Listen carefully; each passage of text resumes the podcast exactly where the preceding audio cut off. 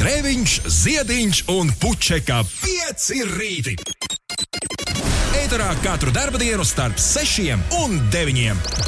Lai teiktu mums visiem, labrīt! Jē, pirmdiena, otrdiena, trešdiena. Vai arī ULDA sakāmais. Man liekas, ka šajā rītā ULDA tu trāpīji rīta radio pa. Es pat nezinu, pa kurieni. Vārdi jau vēl neliekas kopā. Bet Ulas rakstīja mums ar Ines, ka divi rīti vēlu, trešais agrs. Man liekas, ka tas izskaidro diezgan, diezgan daudz ko, ar ko mēs te esam saskārušies aizvadītos astoņus gadus.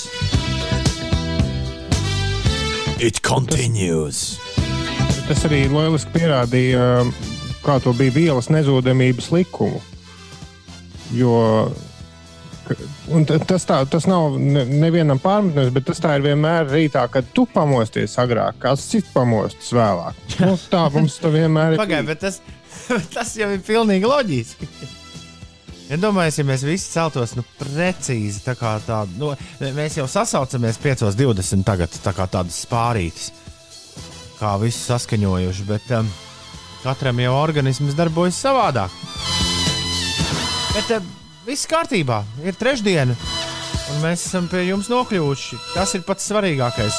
Grēviņš, Ziediņš un Puķekā ir kopā ar jums. Labrīt, Inesem! Labrīt! Labrīt! Ir 14. aprīlis, gudrītē un straujai ir vārdu svētki. Un mēs visi izskatāmies daudz gaišāk nekā pirmdien. Vai tiešām gaisma ceļo ar tādu ātrumu?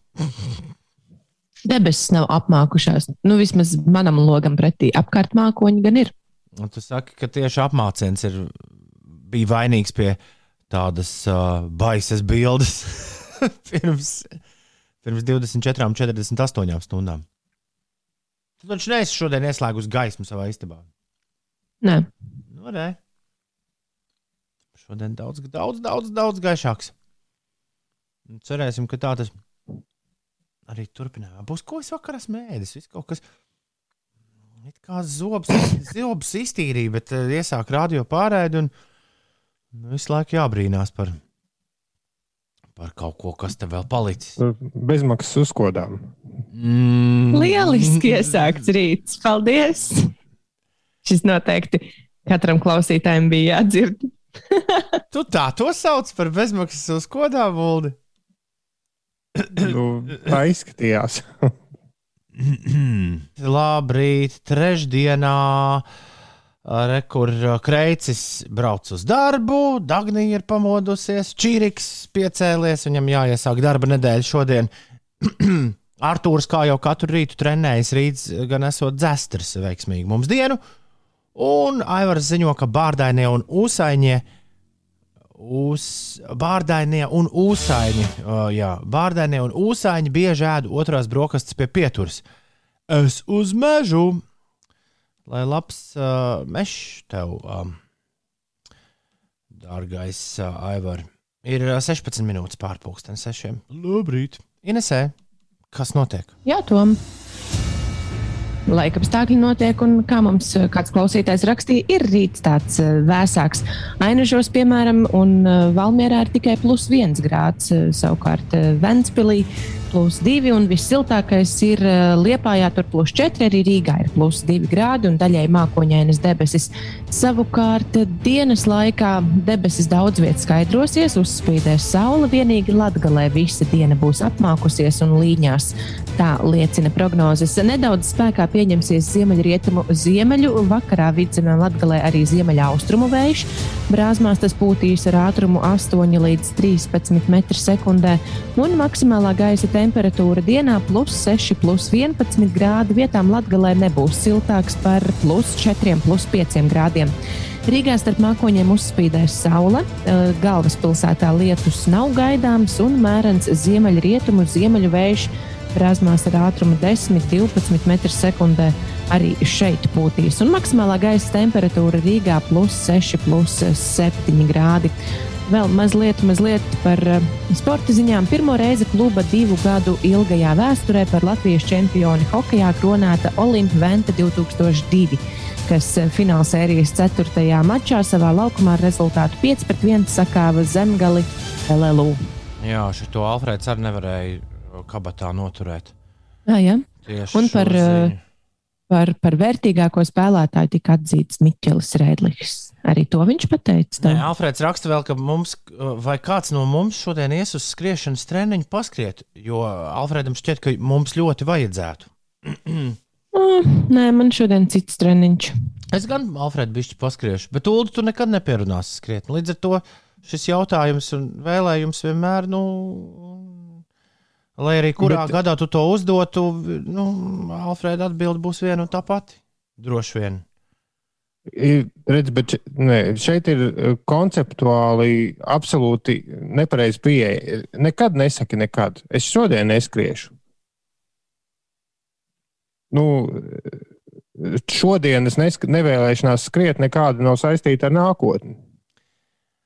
Nu, es, es tā nedomāju, ka es nākotnē kaut ko darīšu vai nedarīšu. Es, Saprotu, tur to lielo atšķirību. Es nerēķinu par rītdienu, izējot no šodienas sajūtām. Tu, jā, Rītdien būs rīt. tu, jā, bet mēs tā varam parēķināt pārējie. Ah, Labrīt, jā, bet piecīši. Tāpat es nekad, vien, nekad teicu, ka es nekad nepirkšu mašīnu, nekad nepirkšu moci, nekad necelšos piecos no rīta. Tas viss ir kādreiz bijis, nekad. Riteņbraucējs Eģe ir ceļā no viena darba uz otru. Super skaists rīts, ideāls skriešanai, jeb velomaratonam, lai visiem superproduktīva diena. Paldies, Eģe! Un ārā tiešām skaisti, superpriecīgs rīts rakstā net. Man vispār arī likās, ka ir viņš tāds uh, nu, ar augstumiņu, ar augstumiņu piedevu. Es vakar uh, gar, uz garāžas studiju atklāju tēkraklā. Tik ļoti bija pirmdienas asilis. Bet šorīt jau uzvilku jaciņu. Nu, es vakar pēcpusdienā gāju paskriet ar uh, pavisam īso krekliņu, tādu plānu, plānu vējaciņu mugurā. Domāju no sākuma, ka nosalšu, ka varbūt tā nevajag darīt, bet tad, ai, un bija labi. Nebija nemaz tik augsts. Nu jau vajadzētu sākties lielajiem plusiņiem. Šortu sezonai. Vovo cēlies augšā. Šeit piecēlē. Mhm. Labrīt, Rīga, labrīt, Latvija, labrīt, pasauli. Un, uh, jā, Ines, es tev piekrītu. Uldis pirmdien nepastāstīja par savu atvaļinājumu, līdz ar to vispārējie sarunu temati pagaidīs. Ir jau trešdiena. Uldis gal galā uh, bija īstā atvaļinājumā. Un, uh, Jā, ārzemēs. Atpūtās. Ko nopietni? Nu, ja. Ulti. Tev tagad Nu. uh, tu nevari rādīt. Nu, es savā ziņā lepojos ar tevi. Nu, savā ziņā, jā, savā ziņā nav, nav nekāda iemesla lepoties. Nē, atvaļinājums sākās ļoti mierīgi ar to Covid poti. Un, uh, lai arī man mēģinājumi pēc tam, nu, vismaz viens mēģinājums bija, nu, pusotras vakaras bija jānoraksta, jo otrajā vakarā bija rīktīgi tāda sajūta, ka vienkārši jāiet gulēt un svīst. Tas bija atvaļinājums pirmajā pusē, un atvaļinājuma otrajā pusē man bija ieplānots brauciens uz Salatsgrīvu, kas ir principā ārzemes. Nu, beigās izrādījās, ka tas brauciens ir nevis uz Salatsgrīvu, bet uz Kuivižiem. Bet jā, man bija norezervēts viesunamiņš, uh, nu, viesnīca, tāda viesnīca, kur ir daudz mazi viesunamiņi ar pirti. Un ar savu ieeju, un, un, visu, un savu grilu, un viss ļoti forši un, un mājīgi. Bet uh, es kaut kā nebiju aizdomājies, ka Ainaža ir tik tuvu Igaunijai. Nu, patiesībā Ainažos ir Igaunijas robeža. Es tur biju klases ekskursijā, bija kaut kad. Bet kā tad tu biji iedomājies, ka ir kaut kāda mistiska zona vēl starp pēdējo Latvijas eh, pilsētu un nākamo Igaunijas pilsētu, kas ir bezvalsts zona? Nu, es kaut kā biju aizmirsis. Man liekas, ka tikai Valkā ir robeža pilsētā. Bet Ainažos izrādās arī ir. Un, un tur jebkurš var, sapcīt, tas ir, kā izrādījās, tas ir kļuvis par tādu kā turistu atrakciju. Cilvēki tiešām piestāja un tā vietā, lai ietu tur tāds ļoti smuks, vecs Ainažu mols, bi- pirms mola gāja fotografēties pie Latvijas-Igaunijas robežas stabiem. Nu, tas tā kā ekskursija tagad. Mm. Bet, uh, diemžēl, ja tev telefons ir uzlikts uz automātisko uh, nu, pieslēgumu, tad var gadīties, ka telefons līdzīgi kā manējais pieslēdzas Igaunijas pārklājumam, un tu momentā saņem īziņu. Šeit informējam, ka pirms ierašanās Latvijā visām personām obligāti jāreģistrējas vietnē Covid-19 un jāievēro epidemioloģiskās, epidemioloģiskās drošības prasības. Jautājums vai, ministrijas... jautājums, vai SPKC saņem datus, ka tu esi šādu izziņu saņēmis, un vai tev pēc kādas diennakts kādas zvana un prasa? Nē. Tad tas atkal ir tā, jo, tas kā, ar, tas kā ar lineālu pa pirkstiem. Nu, ja. kā iesper, kā Igaunijā tā atnāk izziņa. Bet man liekas, ka tā jau arī tiem, kas patiešām ar lidmašīnu atlido uz Latviju, arī viņi saņem šādu īziņu, bet neviens tev nezvan un nesaka, ka ir jāizolējas. Tas jau būtu iedomājies to ņemšanos. Bet, bet viņiem obligāti ir jāaizpilda tā Covid pass. Jā, Tas gan, un, ja tev ir robeža kontrole, tad tur bez tā netiks cauri. Bet nu, aiziet, nu, nobildēties pie Igaunijas robežas, sarga, robežas staba. Vai pie sarga? uh, Izvinīti, Garoči, estońskiej parę. Możemy fotografię znać. Ai. Nu, jā. Un nu, sausais atlikums var īstenībā atpūsties. Arī no piekdienas vakara līdz vienīgi viens vakars noteikti būtu bijis par īsu. Kopā bija divi vakari. Jā, jo citādi sanāk, tu ievācies pēcpusdienā, un nākamajā dienā 11. jāvāc sārā. Jā, ne, tas ne, jau tas ir tā. Ir, Bet tad tu vari mierīgi otrā dienā gulēt, tad var visu kaut kur izbraukt. Mēs bijām tur sarkanās klintis un salāca, un, un kur vēl ne. Nu, viss vis pa to galu, jo tur parasti nesanāk aizbraukt. Skaņais kalns, kuras nebija bijis kopš skolas ekskursijas. Ne, nu vēl kādi pāris gadi droši, bet es gaidīšu to dienu, kad. Uh Kāds no jums teiks, viss, visur ir būts. Būtu tā kā laiks uz kādām ārzemēm atkal aizbraukt. Ir... Jā, bet nu, man liekas, ka Latvijas pusē pietiek uh, vielas ekskursijām vēl nu, vismaz divām vasarām. Droši vien. droši vien.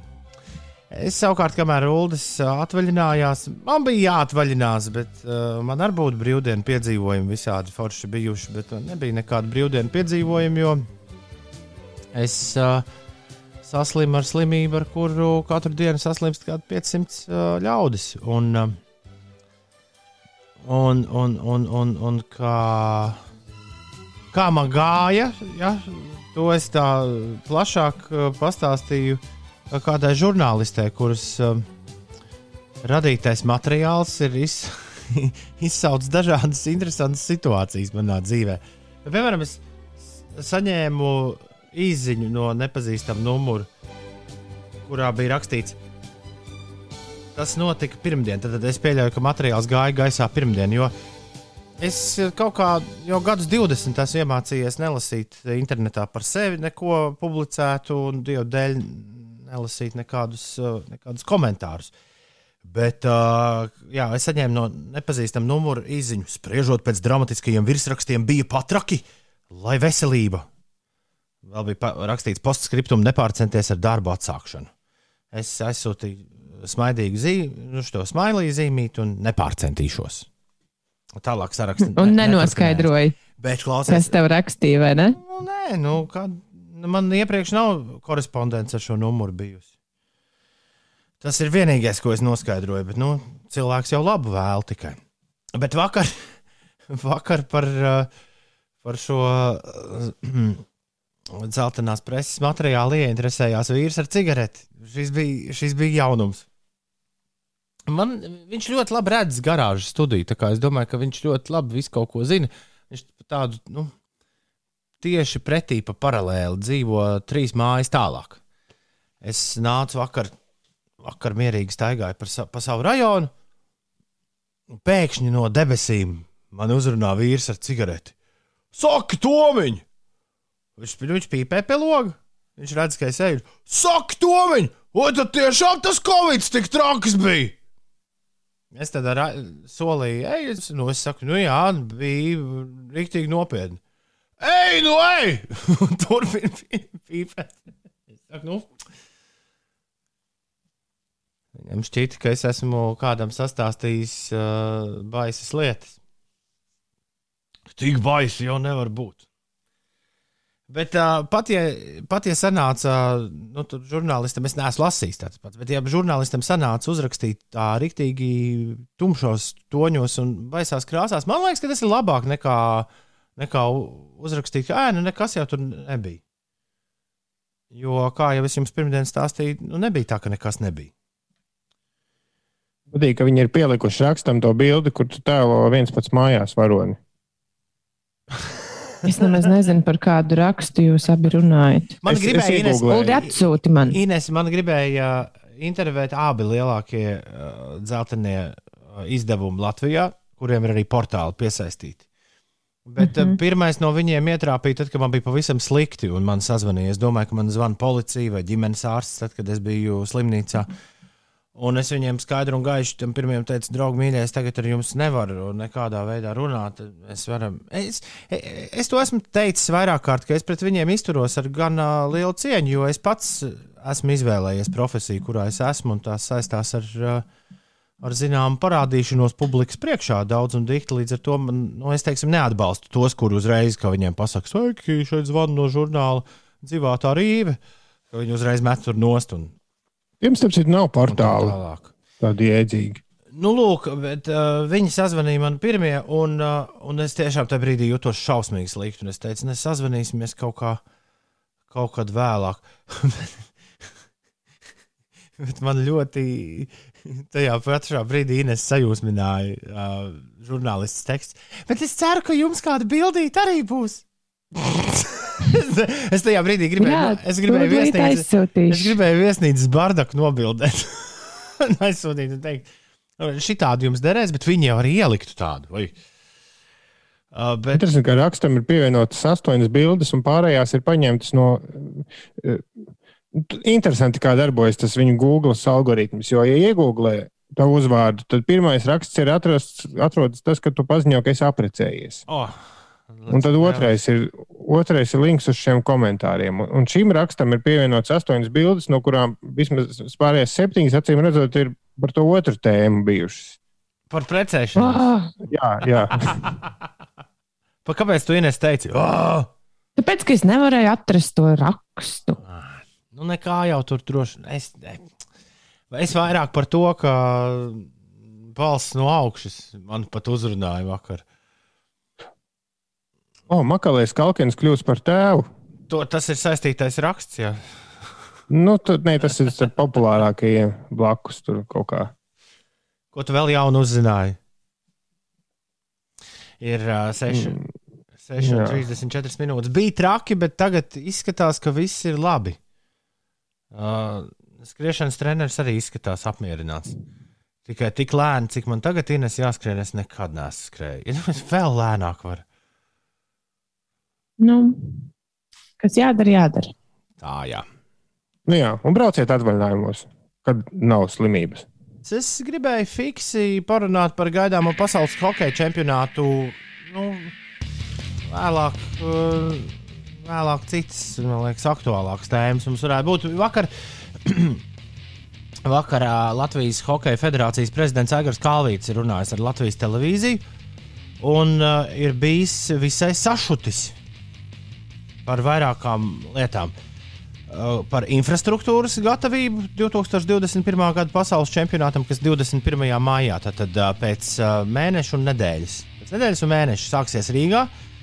Uh, ļoti viegli kalendārā, tiem, kuriem tur mājas pildās ar visādiem datumiem, ļoti viegli kalendārā atcerēties, 21. maijā sāksies hokejs un 22. maijā ir Eirovīzijas fināls. Kā, principā viņi sāk, principā viņi notiek vienlaicīgi. Uh, nu jā, uh, Kalvīts pauda sašutumu par to, ka pirms atbildīgā turnīra Latvijai nesaņems vakcīnas pret covid-19. Tādējādi valsts vienībai būs jāsaskaras ar veselības riskiem. Un tas, protams, atklāts jautājums, ko es gribēju jums pajautāt, un arī visiem pārējiem, vai jums šķiet, ka hokeistiem ir uh, hokeistiem būtu prioritāri pie potēm jātiek? Jo te nu, nu tāda uh, vien, viennozīmīga tāda stingra viedokļa man pašam nav. Bet man vairāk uh, interesē, kā Kalvijas teica, mēs esam satraukti par situāciju Daugavā. Tad, tad uh, tur ir plānota treniņa hale, lai var uh, patrenēties, jo abas divas galvenās halas Olimpiskajā sporta centrā un arēnā Rīgā tās jau būs aizņemtas ar reālām spēlēm, un tur nevarēs cilvēki patrenēties. Lai viņi varētu patrenēt, mm -hmm. viņiem vajadzīga trešā hale, un tā ir domāta uh, Daugavas stadionam blakām esošā treniņa hale. Tā bija jānodod eksploatācijā 17. martā. Ir 14. aprīlis, un šobrīd neredzam, ka tur būtu ledus. Šāds ir precīzs Kalvijas kunga citāts. Mums sola katru nedēļu, ka tūlīt sāks lieta ledu, bet vēl ir jānodod eksploatācijā. Daugava ir lielākais uztraukuma pamats. Nu, bet nu neaizies Daugava, taču iesēdinās busā un vedīs uz piņķiem. Nu. Vēl tā kā Mārupē ir ledus hāle. Vai tad Čangaragā. Liekas, tā- ka Čangaragā bija. apstādinās pilsētā kustību? Jā. Nu, lai tiek. Uh, Vēl ir liela veikalā ledus hala. jā! Galu galā! Pareizi. Par ko ir Tur arī uztraukts? paēst uz vietas. Var. Vai, Nu, vai tagad ne? nevar uz vietas, bet Nu, var iziet ārā, pasēdēt pavasarīgajā gaisā. Tur var arī tādi demonstratīvi treniņi būt. Nu, vismaz tiem cilvēkiem, kas iet uz pārtikas veikalu, varbūt Jo- ceļam. nu, kā mēs, mēs tur kaut kad vienreiz aizdiskutējāmies par to, kāpēc sports eksistē. Un man šķiet, ka no šāda čempionāta aiz slēgtām durvīm, nu, nu, nu, tādā lielā, lielos vilcienos, ir ļoti jāmeklē tā jēga. Piemini Nu, ja manus skatās vārdus, Ulu, piemini manus Jā. vārdus. Uh, kāds mēģinās pa visām varēm skatītājus iedabūt tur iekšā, arī tad, ja tas visiem pārējiem šķitīs, ka, nu, tas vispār neiet kopā. Ir mēnesis, Jā, piemēram, nedēļa tikai atlikusi. potētos. Mēnesis un nedēļa ir atlikusi. Uh, es tikai saku, es tikai saku. Uh, bet, uh, Nē, vienkārši sports, nu, sport, nē, es gribēju teikt, ka, ja tas treniņš būtu publiski tajā lielveikalā, tad, tad būtu tā pati galvenā sporta jēga. Jo sporta jēga jau ir nu, kaut kādā veidā padarīt veselāku visu sabiedrību. mm -hmm. Es Un, un, piekrītu. plus- un, un kā tur bija sports, ir uh, aizvietot to, kas agrāk bija kari senos laikos. Nu, Jā, senāk cilvēki gāja slaktē viens otru, tagad slaktēja ar hokeja nūjām. Jā. Bet, ja tas notiek aiz slēgtām durvīm, tad ir ļoti jā, jā, nu, jāprot atrast šī jēga. Noskaidrot, kura valsts ir labāk bijusi trenējot savus hokeistus.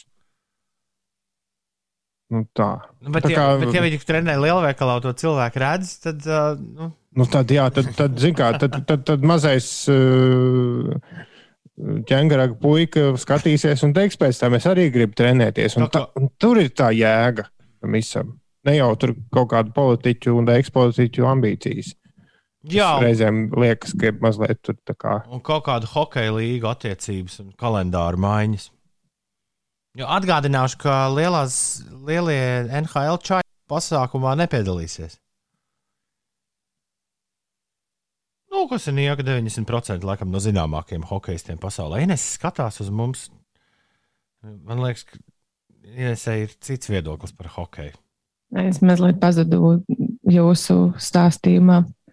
Tu, Es aizdomājos tu, tu par par tiem to. vīriem, tu par, tiem, par to karošanu tajā brīdī tu uzkāries, kad mēs sākām runāt. Jā, mazliet. Nē, es domāju par to, ko tu iepriekš teici par to, uh, vai būtu jābūt sportistiem, ja prioritārajās kaut kādās grupās vai nē. Nu, ko Nu, tu izdomāji? ko tu izdomāji?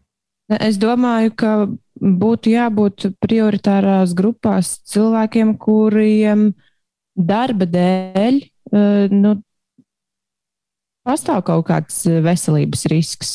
Tā jau nav īsti viņa izvēle, tā sportista izvēle, piemēram, vai viņš, uh, nu, viņš pelna ar to sev maizīti. Viņš brauc uz kaut kādām sacensībām. Lielu, lielu maizīti. Nu, katrs Nu, jāpelna. par pasaules čempionātu gan diez vai viņi tur pelna kaut kādu lielu maizīti. Man liekas, tie ir tieši izdevumi. un Nāks prestižs. uzvaras, Tas būs, tāds- būs maizīte. sirds darbs, bet, bet darbs tāpat. Un, un, nu, tā nav tāda izvēles lieta. Nē, nu, it kā jau ir. Tu vari arī pateikt, ka tu negribi piedalīties čempionātā, tāpēc, ka tev bail un tā- saslimt. Jā, jā, un, piemēram. un tad iedomājies konkursu ar cigareti, teiks no otrā stāva. Nu, tieši tā. jā. Tā kā tu vairāk liecies uz to par pusi, nu, ka tomēr vajadzētu spricīt iedot. Uh, es domāju, ka jā. Un nevajag jau vispār tās sprites turēt tādā lādē aiz aizslēgtām durvīm. es domāju, ka jāmēģina tā lieta padarīt kaut kā ātrāk pēc iespējas. Ir 6,45 minūtes. Labrīt, Ines, kas notiek? Es arī paturpināšu par sportu tālāk. Ja reiz mēs sākām runāt uh, par hokeju, tad arī par uh, hokeju. Latvijas hokeja izlases galvenā trenera Boba Hārtlija vadītā kontinentālās hokeja līgas vienīga, vienība Omskas Avangard piedzīvoja zaudējumu Austrumu konferences fināla sestajā spēlē, un Avangarda mājās ar rezultātu 0-2 piekāpās Kaziņš Agbars, kas uh, sērijā līdz četrām uzvarām panāca neizšķirtu 3-3. Tur būs tātad vēl septītā spēle. Un par futbolu Londonas Chelsea un Parīzes Saint-Germain kā pirmās sasniedz Eiropas Futbola Federācija asociācijas čempionu līgas pusfinālu. Saint-Germain mājās ar rezultātu 0-1 zaudēja Minhenes Bayern, bet divu maču summā rezultāts bija neizšķirts 3-3, un Parīzes komanda pusfinālu sasniedza, jo viesos guva vairāk vārtu. Savukārt otrā ceturdaļfināla spēlē Chelsea Spānijas pilsētā Sevijā ar 0 eh, pret 1 zaudēja Porto, bet londonieši pirmajā spēlē uzvarēja ar 2-0, un divu spēļu summa arī bija pārāka ar 2-1. Šodien vēl ir gaidāmas eh, divas ceturdaļfināla spēles, bet pusfināli notiks 27. un 28. aprīlī un 4. un 5. maijā. Savukārt fināla spēle būs Stambulā 29. maijā.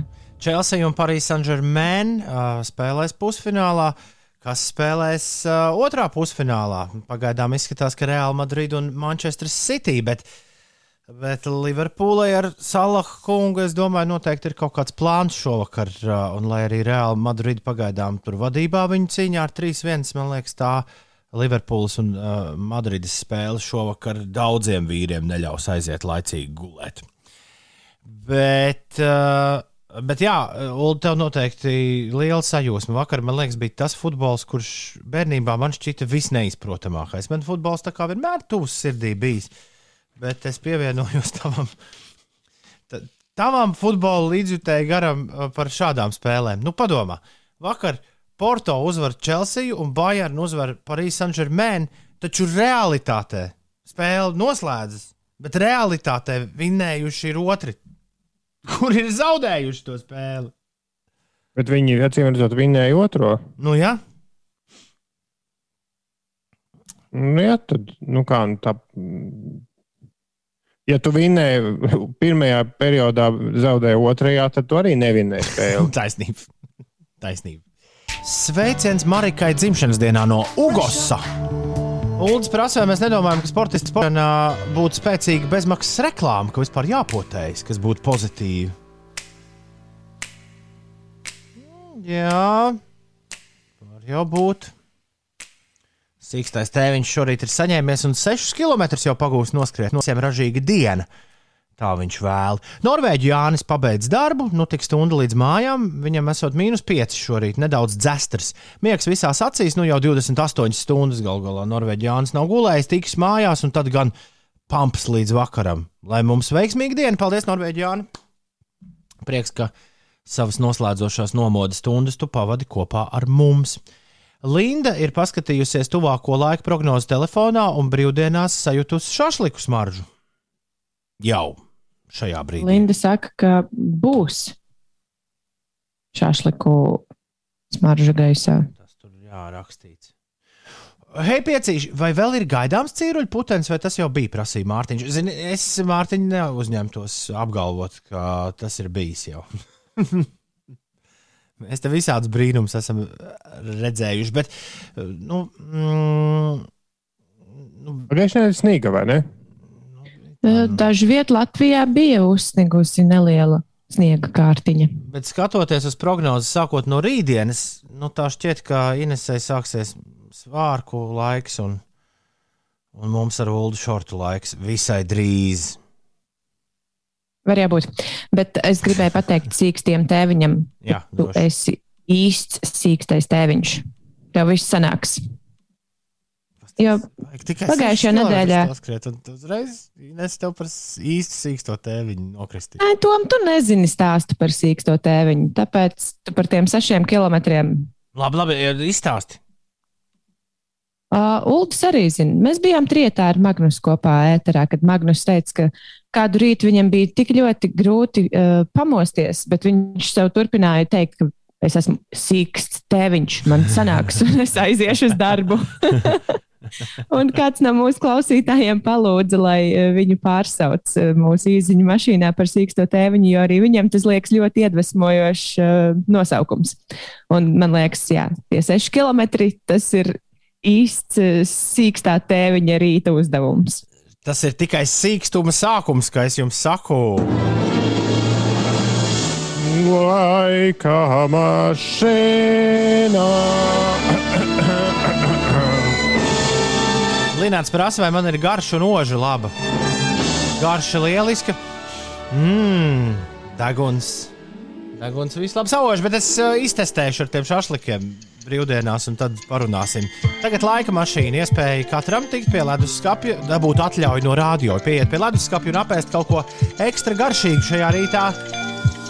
Ja vien jūs varat nosaukt kaut vienu no šīs dziesmas izpildītājiem, jo tur viņi ir vairāki. Aha! Anete pie leduskapja, Kavinskis, Zane. Jā, Aija, tev arī palaidīšu. Kristaps, lūdzu, Aināra šoferim arī jāiet pie leduskapja. Linda un Edgars pie leduskapja, sliktā meitene pie leduskapja, Mārcis Mārtiņš. Iet pie leduskapja Aldis, Jans, Kaspars. Tā. Un Sensīts Dainis nosauc vienu solistu, kur neviens cits nenosauc, par ko man ir milzīgs prieks. Ah, nē, Unna vēl arī nosauc. Tā, jūs arī pie leduskapja, ogotājs iet pie leduskapja, Evita iet pie leduskapja. Nē, Evita neiet, viņa tur kaut ko sajaukus. Evita nelaiž, ne. Dēmbi iet pie leduskapja, zaļā vārna, un tas laikam būs viss. Baigi daudz arī visādas citādas ziņas pa vidu sanākušas, bet tā mēs pievērsīsim uzmanību nedaudz vēlāk. Ulu, vai tev ir kāda nojausma, kas tas bija, ko mēs dzirdējām? Uh, jā, Ulu, es tev ieslēdzu nu pat uh, skaņu, piedod, lūdzu. Jā, man nekas cits kā Black Eyed Peas nenāk prātā, bet tas nav noteikti vairāk solisti. Līdz ar to es nezinu, kas tur Ka, slēpjas. kas tev nāk prātā, Ines? Tur pilnīgi noteikti ir Black Eyed Peas, bet man, es nezinu, kāpēc man nāk prātā divi uh, cilvēki. Iespējams, ļoti, ļoti nepareizi. Justins Timberlakes un uh, P.D. vai Nē, Jā, es nezinu, kāpēc. Neviens no tiem nav. Ja? P.D. lietas mierā. Justins Timberlakes tiešām šajā dziesmā dziedāja. Sensīts Dainis ar Justinu Timberlake, piemēram, tika līdz leduskapim. Uh, Ah. Šis bija Black Eyed Peas un Justins Timberlakes. Abi ko, visi kopā. Abi divi ir pareizi. Ja? Jā, jā, ir. Ha. ir vo! Es nezinu, kā man ienāca prātā tas Timberlakes, bet, bet ienāca. Bet ienāca tas svarīgākais. Oskars uh, raksta, varbūt Tomam laiks būt uh, DJam sīkstajam grēviņam. Visai drīz par sīko grēviņu saks savukārt. Es šito zinu. dēlu augumā pāraugs. Nu. Bučas mīļajai sieviņai Montai un Montas mammai Andai. Čaknauris raksta ceļā no Foršās Valmieras uz Jālgavu. Kus sen šis nebija rakstīts? Tagad, kad veikali vaļā ar Valmieras rotu meitenes atsāk darbus. Apsveicam ar vaļā veikaliem. Labrīt, draugi, jūs esat jauki. Diena būs laimīga, jo uz laimi plīst trauki. Toms vesels, visu garšo un ožu, Uldis ar Inesi aiz stūra pīrādziņus kož. Lai jauka diena, raksta Ingūzo. Ines neko nekož, Es- bet Uldis uh, ir šorīt pasācis slēgt kamerā un atgriezties ēterā mūsu video čatā kaut ko kožļājot. Īstenībā ļoti sen nesmu tos mūsu buļļona pīrādziņus ēdusi. Varbūt šodien varētu aizstaigāt līdz, līdz bulciņu bodai. Man te netālu vien ir. pirmo kopš februāra vidus. Iepriekš Nu. raksta, Jā, Ines. Nē, es, eh, es par tiem pīrādziņiem aizdomājos. It kā jau varētu aiziet, bet Tajā pašā laikā es esmu uzvārījusi atkal milzīgu katlu ar zupu, un kamēr tas nav apēsts, tikmēr Man neko nedrīkst. citu no ēdiena nevar pirkt. Tā ir, tā ir. Nē, food wasteam. Jā, man šausmīgi žēl ir mest ārā ēdienu. Tā, tā ir tāda liela sāpe man. Vajag žēl nav, bet tie Āfrikas un Indijas bērni rādās prātā. Nu, priekšā. Nu, nē, nu, nu tikai tur jau ieguldīt pirmkārt mana nauda, otrkārt eh, resursi, un es te ņemu un izmetu ārā. Nu, jā, tas Indijas bērns jau nebūs priecīgāks no tā, ka mēs būsim rasnāki. Anēta raksta, Ines, ko tad, ja tur rinda par ko? Tu? Ah, tad es negaidīšu un iešu mājās bez pīrādziņa. No, okay. Nododiet, lūdzu, lielu buču sieviņai Kristīnai no Ivčika. Ivčiks šādi rakstā. Nu, mēģināsim. Kristīne, mua! tā bija no Ivčika, nevis no manis. Tā, uh, es, man jums ātrs jautājums, ļoti ātrs jautājums, Ines un Ulu. Es nevaru saprast, kā jums šķiet, vai man vajadzētu nopirkt saules brilles? Tuvojas saulainā sezona. Paskatieties, kā saule spīd šajā rītā. Cik jauki. Jā, vasarā nevar bez saules brillām. Bet es viņus vienmēr pazaudēju milzu, milzu ātrumā. Un Tagad nevajag dārgas pirkt. nu, re, es esmu tieši atradzis tādus, kas nav dārgas, nav arī baiglētas. Nu, tā pa vidu. Kā tev šķiet, Ines, vai man riskēt?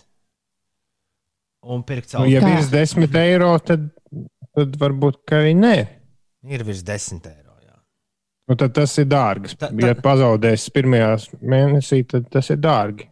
Tā tad jāmeklē lētā. Jāmeklē ap, ap 10 eiro, tu man ļauj pirkt. Nē, es vienkārši rēķinu, cik tas izmaksās mēnesī. Ja tu nopērci par 200 eiro un lieto 5 gadus, Oh, tad tas piecus gadus nepazaudēt saules brilles. Oh, to es gribētu redzēt. Saules brillēm tā sliktā īpašība, ka viņas ar tevi nonāk vasarā ļoti saulainos piedzīvojumos. Bet tā, Jā. es saprotu, kādam no mums ir pie saules brilles, kuras ir izdzīvojušas piecus gadus. Precīzāk, Ne, nu, man ir optiskās līdz ar to. īsti nē. Man ir optiskās līdz ar to īsti nu, tāpat kā parastās brilles. uh, Nu, Bet tajā tas bija savādāk. Bez tam tas, kas man ar saules brillēm visvairāk kaitina, lai arī cik ļoti un uzmanīgi es pret tām izturētos, tām vienmēr saskrāpējas stikliņš. Un tad ir jāmaina. Egons saka, lai es uzreiz pērku divas. Kāsīts saka, ka, ka viņam palīdzēja nopērkot dārgākas brilles. Tad viņš iemācījās tās nepazaudēt. Man ir saules brilles, kuras pirms septiņiem gadiem pirku. Pa 1,70. Tikai tas ult ultravioletais aizsargs slānis nodilis. Raksta riteņbraucējs eģi. Bet šis ir labs pirkums. Eiro 77 gadus. Wow! nu re, tad izreikini, cik mēnesī tev tās izmaksāja. Tom pazaudēt, tas nebūtu nekas, raksta Kaspars.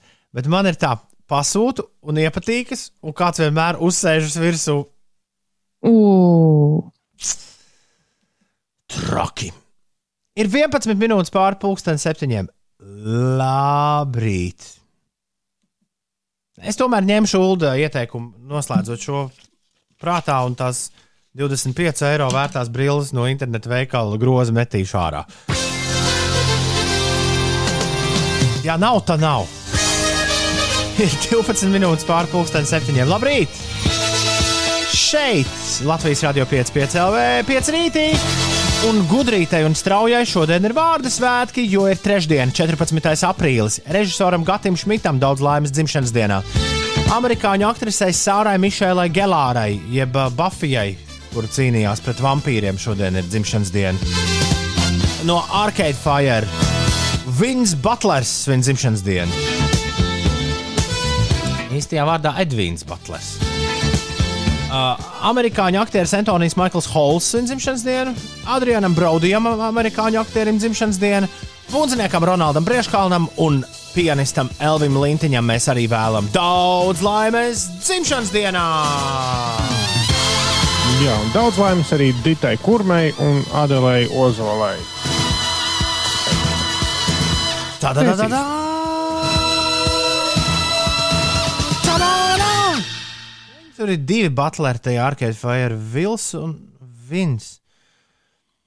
Bet uh, šodien ir, jā, šodien 14. aprīlī 41 paliek Edvīnam Farnhamam Butleram III, kurš ir pazīstams arī kā DJs Windows 98.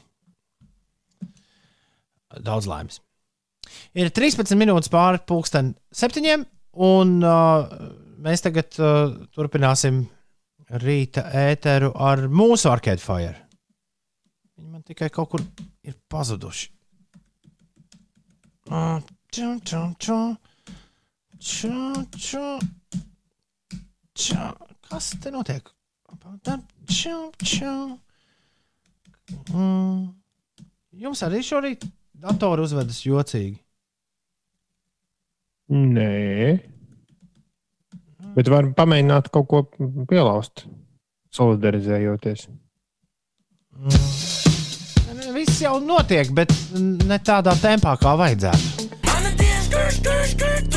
Rusaks! Ok! 24 ir pareizais laiks. Labrīt! Šeit Latvijas radio 5, 5 LV. Inesē, kas notiek? Oi, viss kaut kas notiek, tūdaļ es uh, pastāstīšu tā. Uh, šodien Liepājā dabas mājā sāksies nodarbības par skudrām. Uh, otro līdz ceturto klašu skolēniem jau šīm nodarbībām var pieteikties. Uh, nu, jebkurš, gandrīz kurš grib uzzināt kaut ko vairāk par skudrām un grib būt skudru pētnieks, tiesa ar jebkurš, es domāju, pirmo līdz ceturto klašu skolēnus. Un, uh, Jā, šīs nodarbības par skudrām ir 20 un 40 minūšu garumā, un tām ir iespējams pieteikties dažādos laikos. Tā kā varbūt eh, kādam mazajam pētniekam šis būs eh, noderīgi.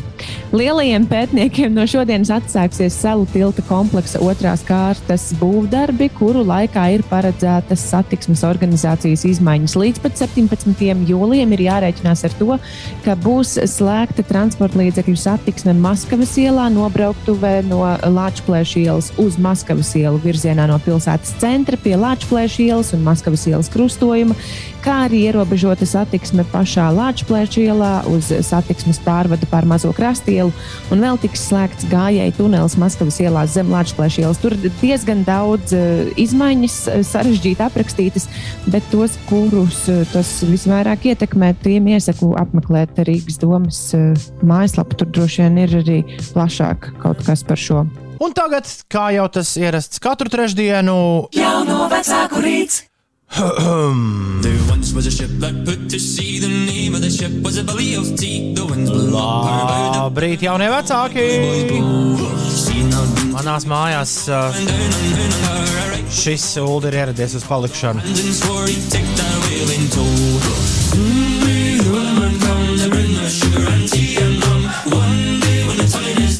Un es esmu viensprāts ar saviem dēliem, ka šī dziesma uzvarētu Eirovīzijas dziesmu konkursā, ja gadījumā tā piedalītos. Tur bez nekādiem variantiem, nekā cita nebūtu.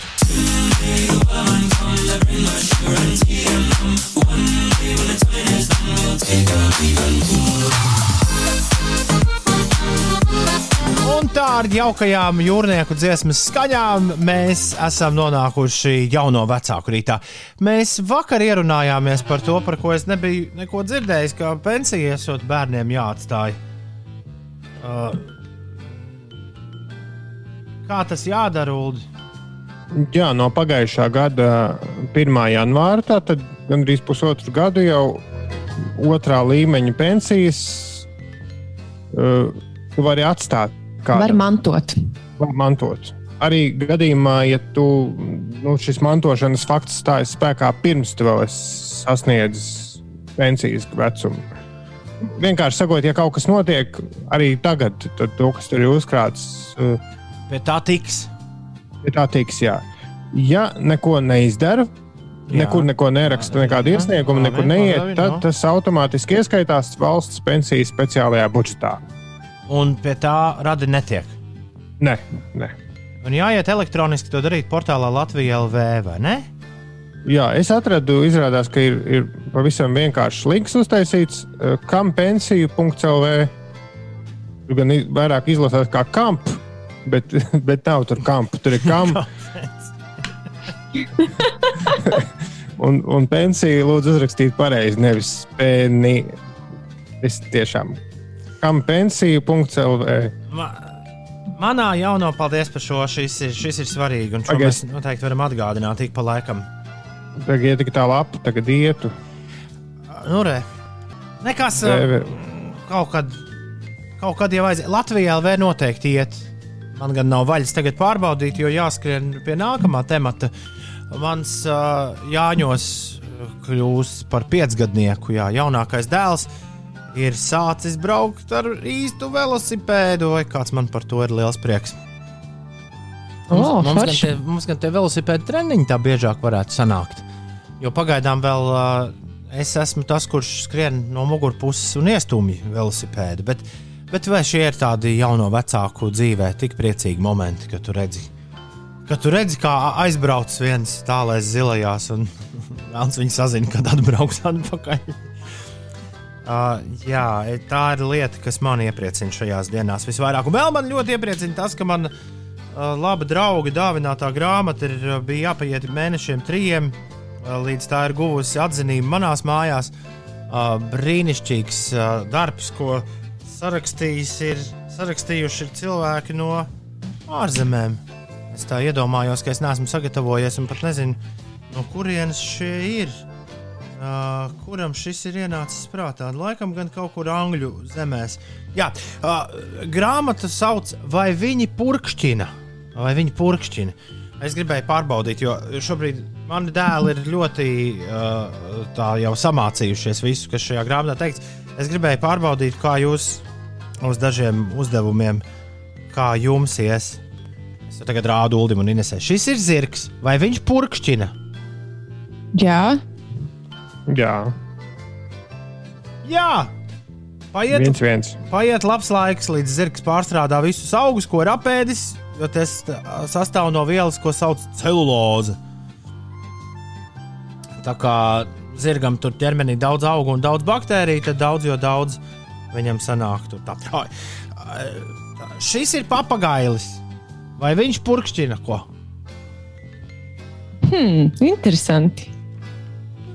Man liekas, ka Varbūt. putni nē. Putni tiešām nepurkšķina. Nu, Uldis jau kā liels kvizu speciālists to zina, bet papagailis māku atdarināt skaņu.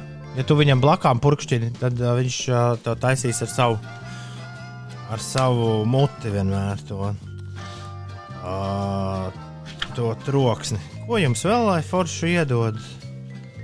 O, šis ir labs. Šī ir kaza vai kaza purkšķina? Jā. Es domāju, ka jā. Ulu, kā tev liekas? Nu, Ines, eh, man liekas, ka vairāk par kazām zinās. Reiz kāda lidmašīna, kas veda 2000 kazu, bija spiesta nolaisties, jo purkšķināšana un arī atraugāšanās lidaparātā iedarbināja ugunsgrēka trauksmes signālu. Iedomājieties! Jā, šis ir vienradzis. Vai viņš purkšķina? Nē, Jā, varavīksnis. Vai violīšu tādu nu, neļķu. Pareizi atbildēt. Vienradži neeksistē. Uldi. Tā. Un ko jums noslēgumā lai iedod? O, jā, labi. Šī rekords dinozaurs. Vai dinozaurs purkšķina? Vairs nē. Vai purkšķināja? Uldis trāpīja absolūti pareizi. Vairs nē. Uh, uh, vienīgie mūsdienu dzīvnieki, kas attīstījušies no dinozauriem, ir putni. Un kā mēs to šorīt noskaidrojām, jau no vecāka rītā putni nepurkšķina. Bet, ja tik daudz dažādu veidu dinozauru bija, kā stāsta tie Jurassic Park autori, ja, tad uh, vismaz daļa no viņiem noteikti purkšķināja. Un iedomājieties, cik gigantiski pirdieni tie bija. Starp citu, runājot par šo, uh, es gribētu citēt savu uzturmācības pasniedzēju, Jā, kas uh, stāstīja arī par cilvēku purkšķināšanu. Un Viņa citāts ir uh, tāds, ja ir klusais viltīgais, tad ir par daudz olbaltumvielas apēstas, bet, ja ir skaļais rībiens, tad par daudz ogļu hidrātu.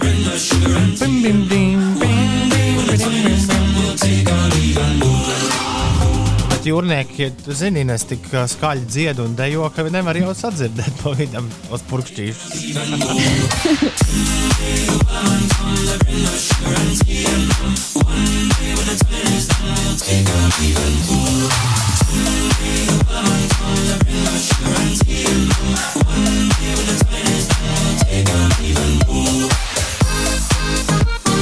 Porziņš taču eksistē. Tas par vienradžiem Aivars raksta. Vienreģi iesauktā ir tikai. Jā. Un īvērti nekādīgi nevarot Latvijā LV neko tur atrast, ka tur jāsaspaida. Uh, uh, jā, tā, tā mājaslapa, diemžēl, viņai ir beidzies domēnam termiņš, un kāds to ir pārpircis. Līdz ar to tas kamps vairs nestrādā, bet tu ieeji Latvija LV. Tad tu ieeji uh, sociālajā pakalpojuma nodarbinātība. Tur ir vecuma, pensijas apmērs un saņemšana. Un tad tur tālāk. Nu, Man izdevās, kā loģiski ejot cauri, atrast. Labrīt! Ir trešdiena, 14. aprīlis, un Inesei ir jāpastāsta tagad, kas notiek. Jā, lai parādītu sabiedrībai un lēmumu pieņēmējiem, ka jauniešiem ir jābūt eh, valsts prioritātei, Latvijas jaunatnes padome ir atklājusi kampaņu Tapis ar jauniešu enerģiju. Eh, Galvenais va- vadmotīvs ir šī te jauniešu enerģija, kura nekur nepazūd, bet eh, vienmēr kaut kur piezemējas. Tiklīdz aptrūkstas darbs, tā viegli šī enerģija pārvēršas nedarbos. Tāpēc sabiedrībai ir jādara viss, lai enerģija būtu pozitīva. Un Latvijas jaunatnes padome ir apkopojusi vairāk nekā 60 jauniešu pozitīvās enerģijas izlādes piemērus visā Latvijā. Tos var apskatīt mājaslapā jauniešu enerģija.ljp.lv. Un, uh, var arī uh, vietās, kurās, uh, kuras ir tapušas ar jauniešu līdzdalību vai šo pozitīvo jauniešu enerģiju, var tā teikt piekarināt tādu atpazīstamības zīmīti blīkšķis. Tas, lai tā visi zinātu, kas ir. Uh, Kas ir tapis ar uh, jauniešu palīdzību, un kur šī jauniešu, jauniešu enerģija ir uh, likta lietā pozitīvā nozīmē. Un vēl ir eh, ziņa par Lietuvu. Lietuvā senioriem, kas potējušies pret covid-19, tiek piedāvāti bezmaksas ielūgumi uz vairākiem muzejiem. O, Muzeju brīvdabas ekspozīcijas, zoodārzi, botāniskie dārzi un dabas takas Lietuvā ir vaļā jau no 10. marta, bet no 15. marta ir atvērtas muzeju iekštelpas, kurās gan ir stingri jāievēro distancēšanās, bet potētie seniori Lietuvā tātad uz šīm vietām var doties ar ielūgumiem. es. Man ļoti patīk, ka tu saliki kopā gan jauniešus, gan seniorus. Bija Iņa un Jaņa šajā. Es nekad neesmu bijis Lietuviešu zoodārzā. Vienmēr tik tie pingvīni, pingvīni palangā. Vai tur nav delfīni? Nu, arī, jā, delfīni arī tur ir. Jā. Bet, eh, bet, jā, nu jau jāsāk pilnīgi tikpat, eh, tikpat sapņainām acīm par Lietuvas zvēru dārzu vai dinozauru parku domāt kā par, eh, kā par Londonas zoo vai, vai Stambulas tirgu. Jā, es vēl gribēju pie tās pirmās ziņas atgriezties. Nu, labi, nu, Tur ir labi. ļoti forši. Uh, ir redzams, mums droši vien klausās daudz deputāti. Tur ļoti jauki izskatās. Ir redzams simts deputātu bildes. Un ar zaļiem ķeksīšiem, uh, dzeltenām jautājumu zīmēm vai sarkaniem krustiņiem ir redzams, kuri ir atbildējuši uz jautājumiem par jauniešu, nu, par jauniešu, Izlāde. par jaunu. Nē, nevis izlādi, bet Latvijas jaunatnes uh, padome bija sūtījusi vēstuli visiem saimnes deputātiem, visiem Ah, ok. okay. simts, uh, ar jautājumiem par to, nu, kur viņi redz jauniešus vai, vai nu, kāda. Kā lai pasaka, nu jā, cik liela prioritāte ir uh, jauniešu politika valstī. Okay. Un no šiem visiem deputātiem bija gaužām maz, kas atbildēja uz šo vēstuli. Un tad Jā. Uldi tālāk tu vari izstāstīt. Nē, nu, visi- visam šim jēga ir tas, ko mēs arī dzirdējām mūsu pagājušās nedēļas, eh, kā ir būt podkāstā. Bija ļoti labs citāts par to, ka, ka bieži vien, eh, nu, ja, tu, ja tev nav pasē, tur vismaz nezinu, jau, cik tur tie gadi, tad tev vienkārši neņem par pilnu. Nu, jā, tur jau tur tie jaunieši, lai jau kaut ko tur dara. Tāpēc ļoti labi, ka ir šāda lapa. Un eh, mēs, braucot pirms diviem gadiem pa Latviju, mēs redzējām, ka katrā katrā kaktā ir pa kādai jauniešu organizācijai, kas visu kaut ko dara, aktīvi darbojas. Un tie var šeit pievienot savas aktivitātes. Ne tikai Aha. līmēt tur to uzlīmi, bet arī pievienot kartē. Tajā jauniešu enerģija.lv. Tad jauniešu enerģija. LJP. Punkts LV. LV. Jā, tā ir īsta adrese, kas jāmeklē. Ok, ir 7,45. Top 10 mums arī šorīt būs. Top 10 mums būs. Un mm, top 10 būs veltīts vēl vienai jauniešiem ļoti svarīgai lietai, ko agrāk pazina tikai padomu laikos augušie. Tās ir rindas. tagad tās ir atgriezušās. Un izskatās, ka būs uz palikšanu vis kaut kur. Vēlēs tikt pie labumiņa, stāvi rindā. Ne, patiesībā Ulas ir Ines, kopš atvēra veikalus, man katru dienu atsūta katrs pa kādai bildē, kurā ir redzams. Man vismaz šķiet, ka jūs atsūtat pa kādai bildē, kurā ir redzams kāds no vecrīgas apģērba veikaliem, pie kura izveidojusies ir rinda. Nu, absolūti iespaidīgi, es jums teikšu. Kāds ir mēģinājis Jā. stāvēt tajā? Ļoti interesē arī, cik ilgi tas, tas prasa. Bet uh, acīm redzot, uh, doma aiziet uz veikalu šobrīd ir tik ekskluzīva, ka var arī pastāvēt kādu stundu. Jocīgi, es šonadēļ neesmu bijusi vēl pilsētas centrā, bet pagājušajā nedēļā, kad tikko atvērās šie veikali, tad likās, nu jā, tiešām rindas pie apģērba veikaliem ir milzīgas. Man likās, ka tām vajadzēja jau samazināties nedēļas laikā, bet izrādās nē. Mm -mm. Tas viss turpinās, un es, tāpēc, es tāpēc saku, izskatās, ka būs uz palikšanu. Mēs vēlamies šorīt noskaidrot garākās rindas, kurās jūs kādreiz esat stāvējuši. Kāpēc tas bija? Kā tas bija? Un uh, kas tas bija, kas bija jānopērk un kādēļ bija tajā rindā jāstāv? Jā, vai arī tas ir bijis kaut kāds robežu čērsošanas pasākums? Tas, tas, tavā, tas tavā gadījumā būtu. Ja? Nu, es tā ātrumā, pikam, tā, tā sanāk garākā, kurā es esmu bijis. Nu, ja neskaita kaut kādus pasākumus, kur stāvi pēc kaut kā padzerties vai iekost. Ar šmāju Mm. pirms, pirms iedarbināja elektronisko paskontroli, un tad, kad vēl Lielbritānija bija Eiropas Savienībā, tad uh, tas bija, tās bija diezgan liels zobu sāpes Stanstedas lidostā, uz kuru lido lētākās avio kompānijas.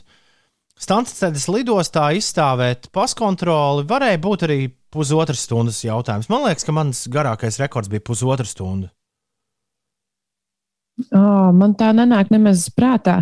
Es, eh, es zinu, ka bailīgākā stāvēšana rindā, vismaz man tā likās, bija uz Latvijas-Lietuvas robežas, tad, kad mēs pamatskolas laikā braucām uz sacensībām Lietuvā. Un, un nezinu, kāpēc mēs šausmīgi baidījāmies no tiem robežsargiem. Un viena no meitenēm nebija paņēmusi pasi līdzi. Līdz ar to mums vajadzēja gaidīt, kad atvedīs viņas dokumentus. Auč! Tā meitene noteikti jutās īpaši. Visi, visekskluzīvākā rinda, ko es esmu izstāvējis, man liekas, ka tā nebija. Garākā online rinda manā mūžā reiz bija uz Glastonburgas festivāla, kur es kādu pusotru stundu stāvēju, līdz dabūju biļeti. Uh, bet, uh, bet ekskluzīvākā rinda, kur gan es izstāvēju, man liekas, ļoti ātri, bet nu, tajā brīdī visa pasaule tajā rindā stāvēja, bija uz Maikla Džeksona nekad nenotikušo koncertu biļetēm. Bet man pie pārīša izdevās tikt. Mēs vēlamies šorīt dzirdēt jūsu stāstus par garākajām rindām, kurās esat stāvējuši, ko vēlējāties nopirkt, kad tas bija, kur stāvējāt. Jā, šorīt apkoposim top 10 jūsu mūža garākās rindas. Sūtiet šurp stāstus par tām uz 2931, 202, 2931, 202. Top 10. Labrīt! Šeit Latvijas Rādio 5, 5 LV, un kā katru trešdienu mums ir Top 10. top 10. Šajā rītā esam apkopojuši garākās rindas jūsu mūžā. Kāpēc tās bija jāstāv un kur tās stāvējāt? Laiks to noskaidrot.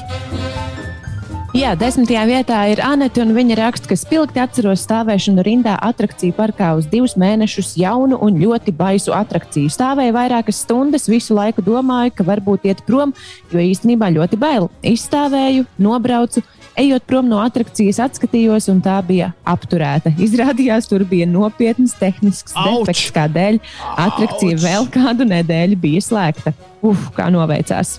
Ah, tas izklausās arī pēc tāda ārzemju stāsta. Oh, baisi. Devītajā vietā Linda, kas raksta, garākā rinda bija uz Ukraiņas-Polijas robežas. Laikam 6 stundas.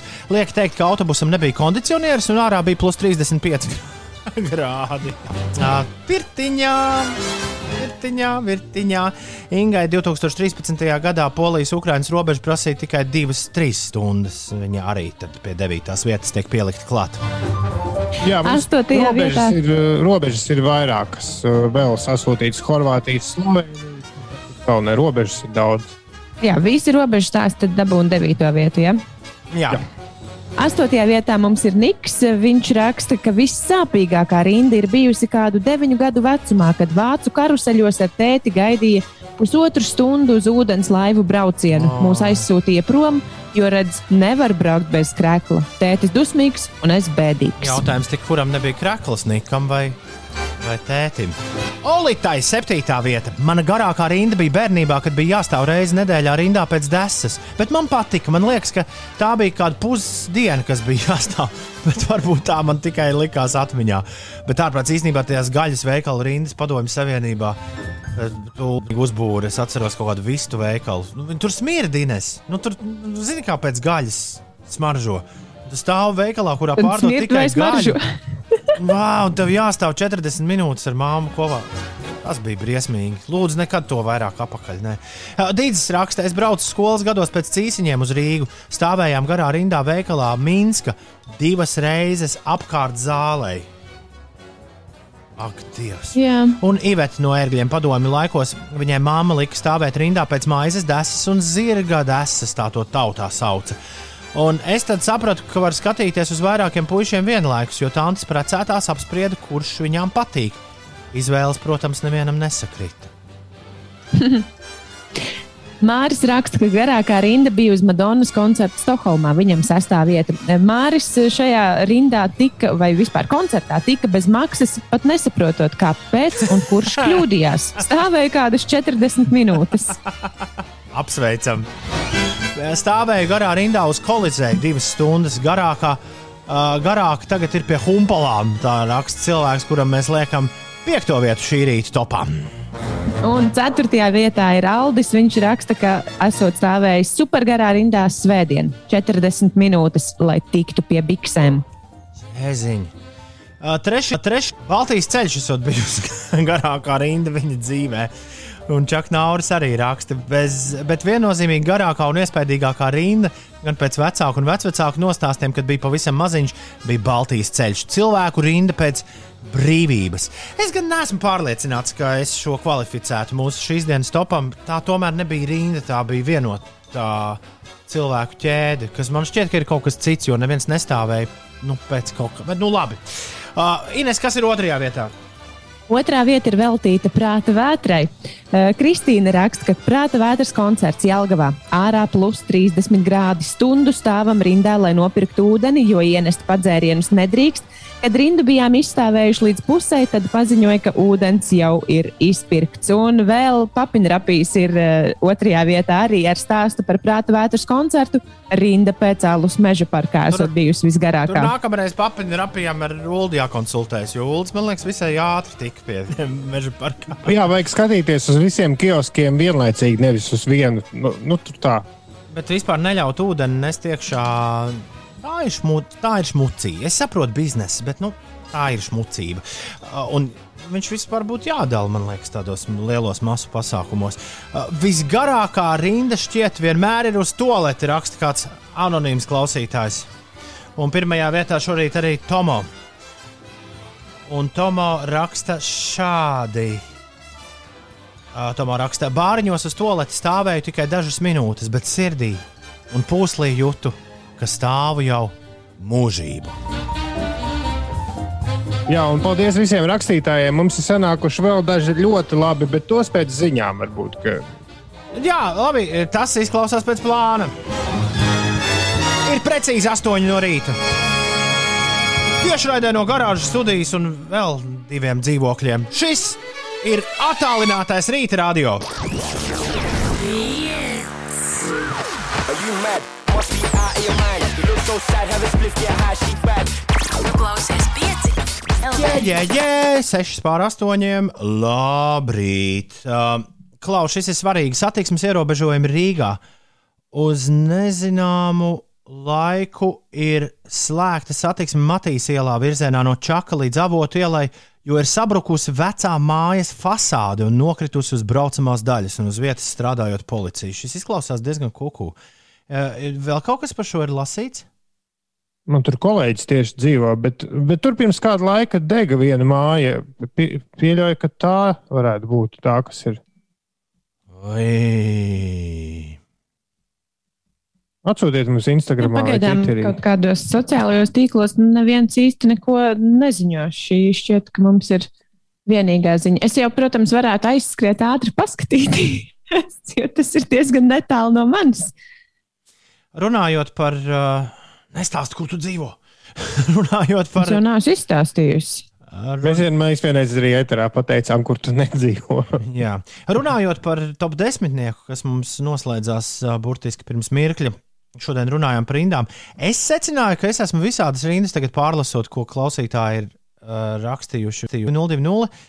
Acīm redzot, rindām ir tāda interesanta mm, daba, ka tās izdzēš sevi no atmiņas. Nu, tāpēc, ka tas ir kaut kas tik nepatīkams, ka bieži vien tev liekas, nu, ā, nē, šo, šo es noteikti neatcerēšos.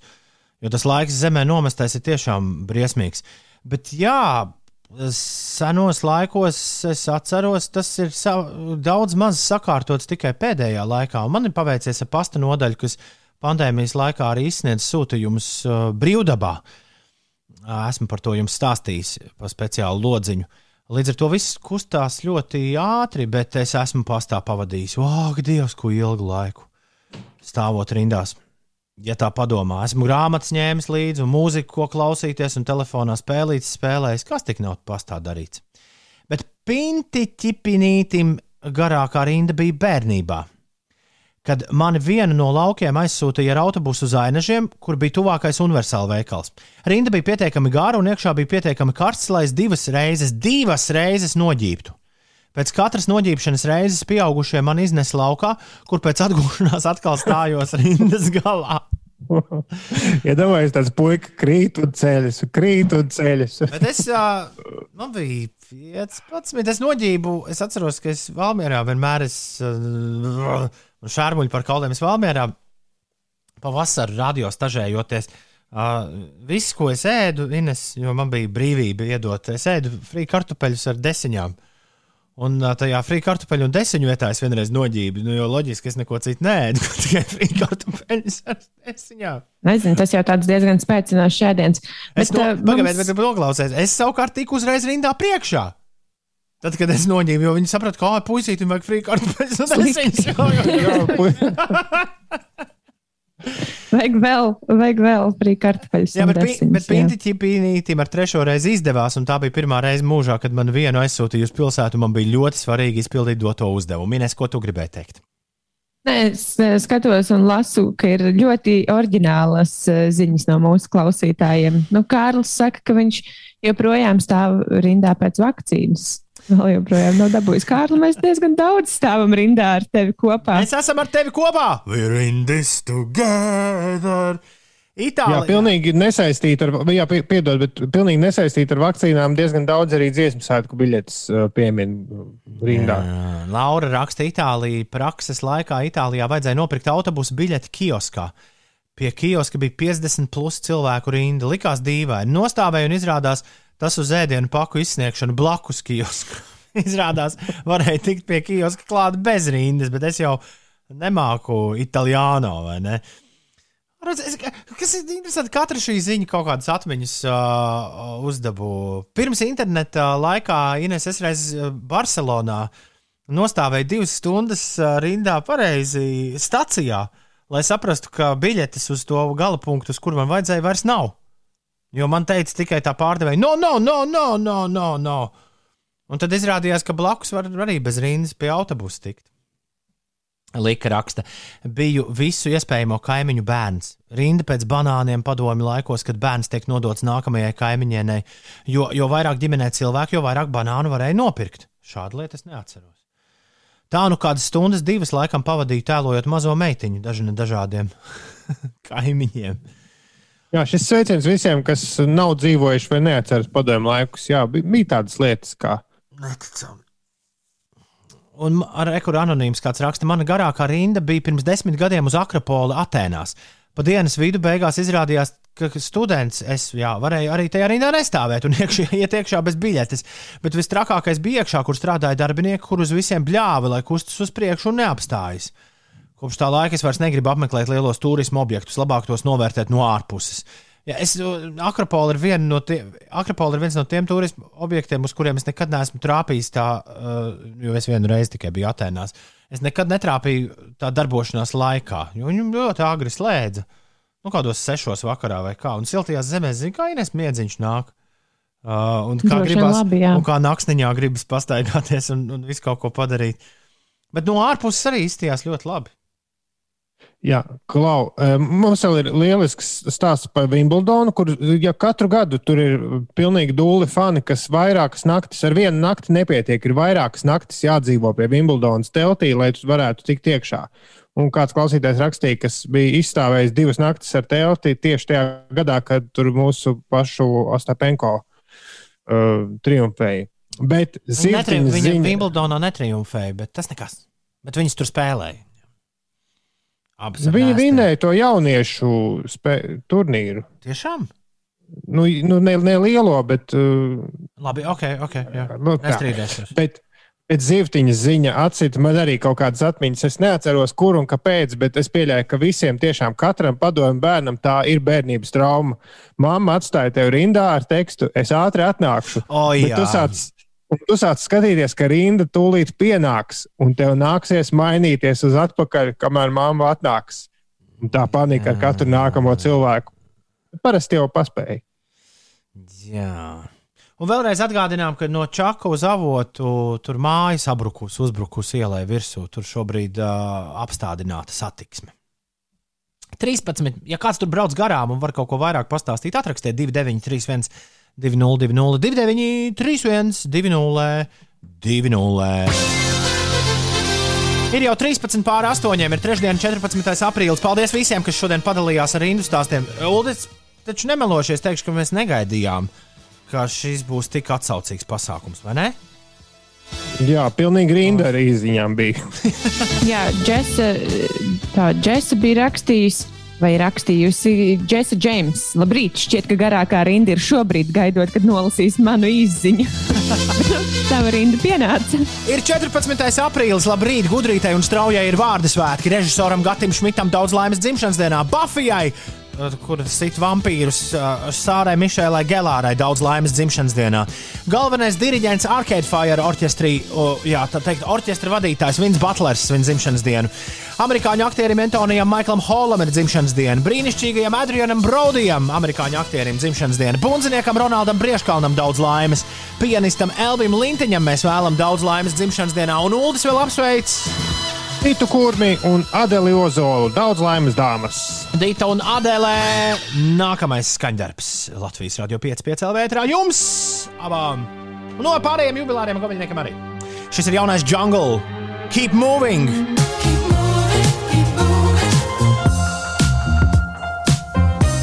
Tas ir uz Matīs ielas tuvāk krāsotāju ielam. Graustam nobruka otrā stāva siena. Tā ziņo kāds klausītājs. Māja jau savulaik bija degusi, Ulu, tā kā tev bija pareizi priekšnojauta. Kārlis raksta, tagad laika apstākļi gan jau piebeidza. Es, jā, es tikko sazvanīju savu kolēģi, kurš dzīvo turpat blakus, trīs mājas tālāk, un viņš teica, ka viņš ar to māju baidījies ar kājām iet garām jau ilgāku laiku. Ui. Un tiešām policija stāv. pievērsusi uzmanību. Jo vakar es skrēju tur garām tieši. Nu, redz, ka labi, ka vakar. jā, stāvot policija Matīs un Čaka krustojumā, un līdz ar to laikam viss tas posms šobrīd ir slēgts. Jā, braucu pa avotu ielu un redzams, ka Čakielas virzienā Matīs iela ir jā, noslēgta. Ivars to apstiprina. Un jau 6.50 tas bijis manāms, tā raksta kāds klausītājs. Un trīs auto avāriju uz akmens tilta centra virzienā. Auto ir uz sliedēm, viena josla bloķēta, tramvaja tad arī kavējas. Op, op, op, op, op. Trešdienas rīts galvas pilsētā! Un labi, ka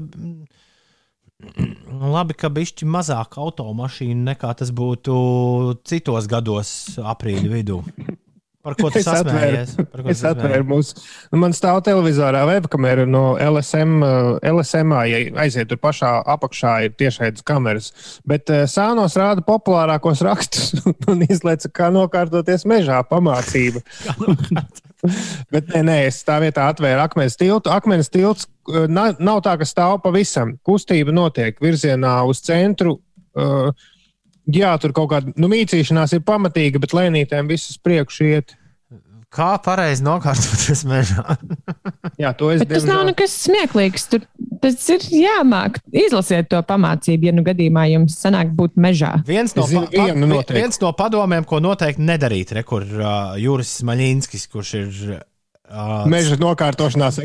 Jā, ceļotājs un pastaigu, pastaigu taku veidotājs. Viņš saka, viens no padomiem, ko noteikti nedarīt, neatstātais sevis mitrās salvetes, jo tās atšķirībā no toaletes papīra dabā paliks daudz ilgāku laiku. Nu, re, vai jūs to zinājāt? Mm, Nē, bet es Vēlams uztaisīt- mitrās salvetes. Tas ir pavisam vienkārši. Vēlams uztaisīt bedri, pēc tam bedri apklāt ar sūnām, vai, ja to nav tūmā, koku mizām.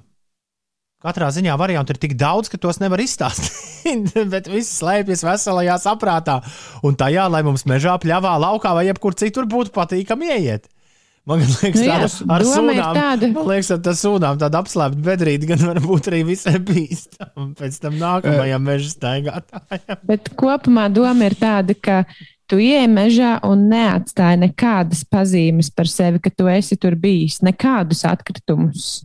Mūsu eh, kolēģis, eh, bijušais Edžers Čaukulis, bija komentējis, Rāvs Eilants ielicis Instagramā bildi, kur viņš sēž uz tāda baļķa, un Edžers eh, strādā mežā kā mežonieks. Uh, Līdz ar to viņš tiešām ļoti labi zina, kā mežā nokārtoties. Un Viņš bija komentējis Ralfam, ka tā esot ļoti ērta poza, tā uz baļķa sēžot. Man gan likās, bija bīstami.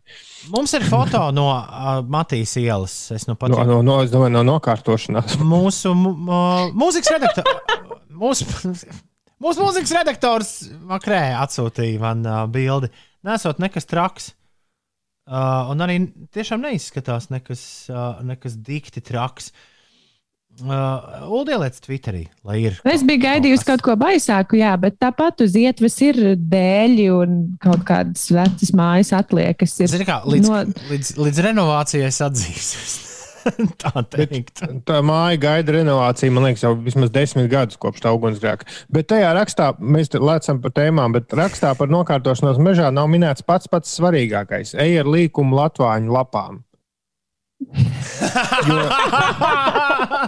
jo bija taču laiks vēl pirms dažiem gadiem, un es esmu audzis orientieris ģimenē. eh, Līdz ar to ļoti labi zinu, ka bija laiks, ka nebija nekādu salvešu, kur nu vēl mitro salvešu. Un, eh, jā, tad man liekas, ka tā ir atsevišķam rakstam nu, tēma par koku lapām un to lielumu, bet Latvijas lapas lūdzu līkumu. Tās nē, tās nē. Jā, 8, viegli sajaukt ar diždaģu lapu. 8, Jā, tas 8, 22 zina. dažu, dažu. Diždaģu. Inese, lieciet izdeģus mierā. Inese, pastāst, kas notiek. Nu, Mazliet paturpināšu par satiksmi, kā jau Toms iepriekš eh, stāstīja.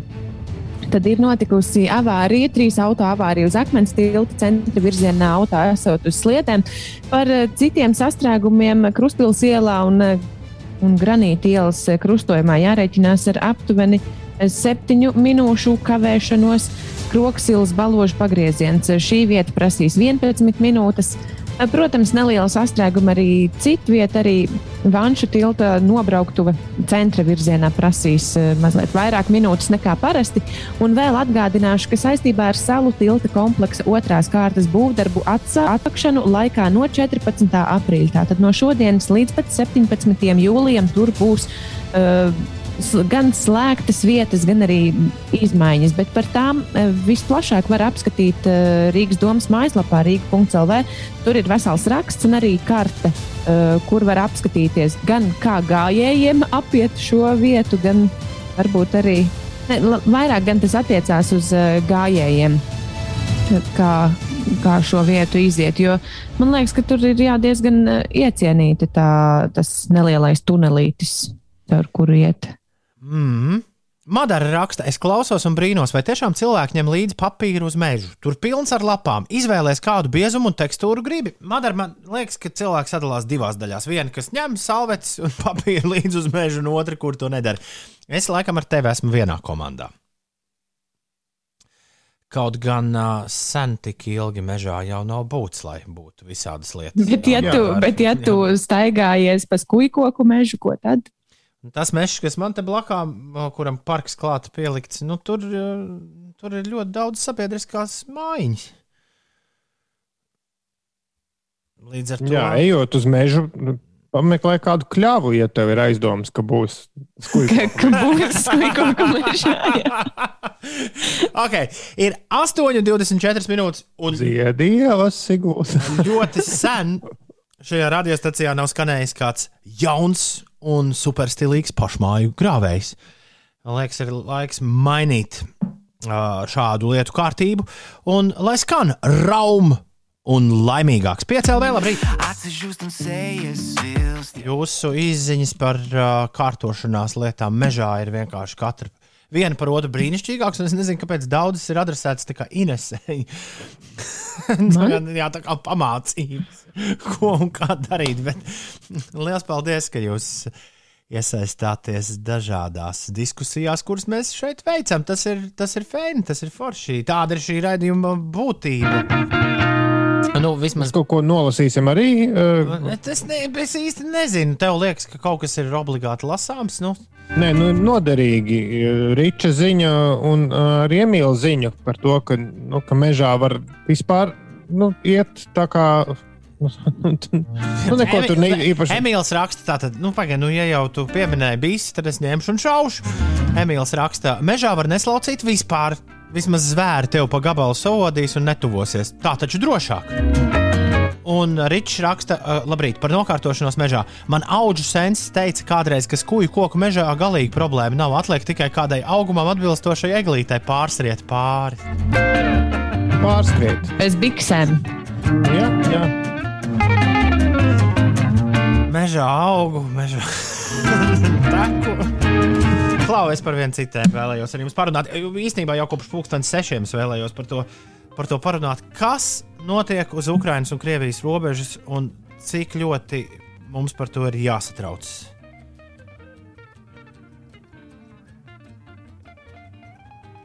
Uh, uh, jā, klusums. Jautājums, cik daudz, tu, cik daudz tu zini? Es īsti ne, nezinu neko, izņemot no to, ka tur jau vienmēr ir bijuši asumiņi savā starpā. Un vakar, vakar man televīzijas kolēģis uzdeva jautājumu, kas nu tur būs. Un es sapratu, ka es šim vispār neesmu sekojis līdzi. Jā, nu, es visos rakstos, kas ir LSM, tur e, beigās ir tāda jau tāda daļa konteksts. Un kontekstā ir teikts, ka e, konteksta sadaļā ir teikts, ka pieaugušas bažas par situāciju Austrumukrainā, jo marta beigās Ukraina ziņoja, ka Krievija koncentrē savu karaspēku. Un karaspēks tur koncentrēts ir diezgan pamatīgs no visas Krievijas. Krievija, protams, saka, ka viņi neko, bet Ukraiņa tur esot uh, uzsākusi aktīvāk darboties. Atsakot, rāda ar pirkstiem viens uz otru.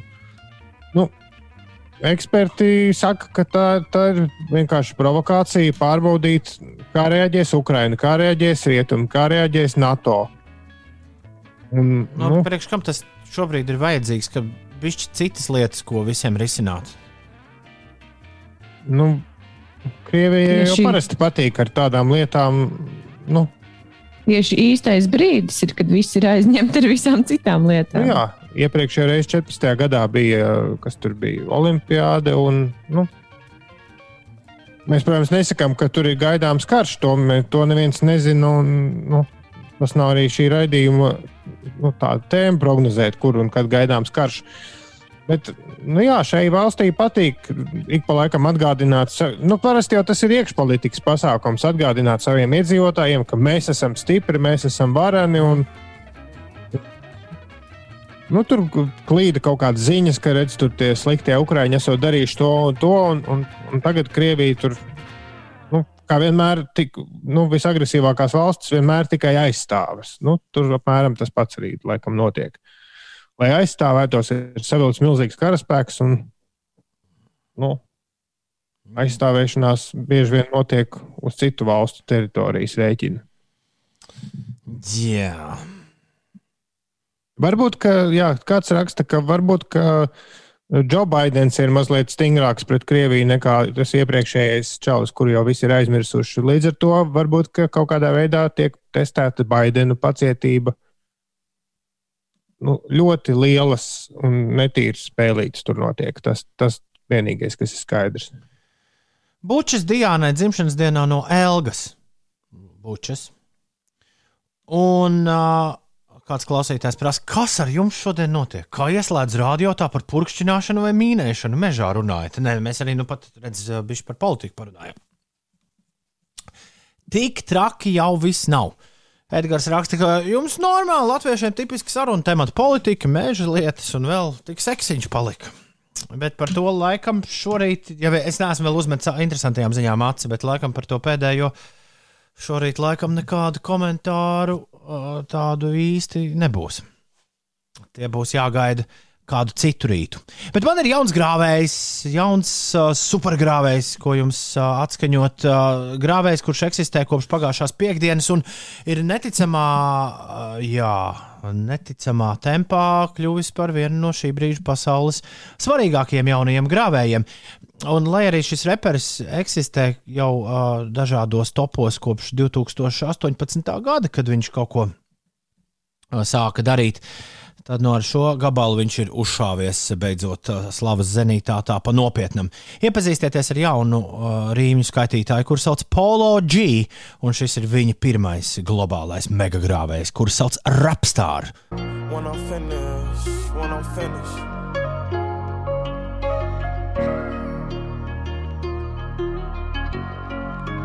Es kaut kā pārsteidzīgi šo Janskungu par rīmu skaitītāju nosaucu Mumble reperis.